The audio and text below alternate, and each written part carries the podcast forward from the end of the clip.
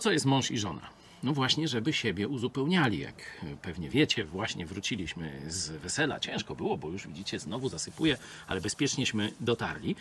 Ale przy okazji wesela Gosi i Czarka taką miałem konstatację, że Bóg mówi, że mężczyzna i kobieta tak się ze sobą sklejają, że stają się jednym ciałem.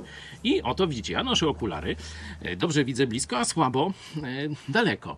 Ale tak się dobrałem, czy Bóg tak dokładnie nas dobrał, że moja żona słabo widzi blisko, czyli ja nawlekam igłę, a bardzo dobrze wszystkie tam szyldy gdzieś daleko, drogowskazy, no to ona. Czyli pomimo, że zobaczcie, na starość coraz gorzej, to razem się uzupełniamy.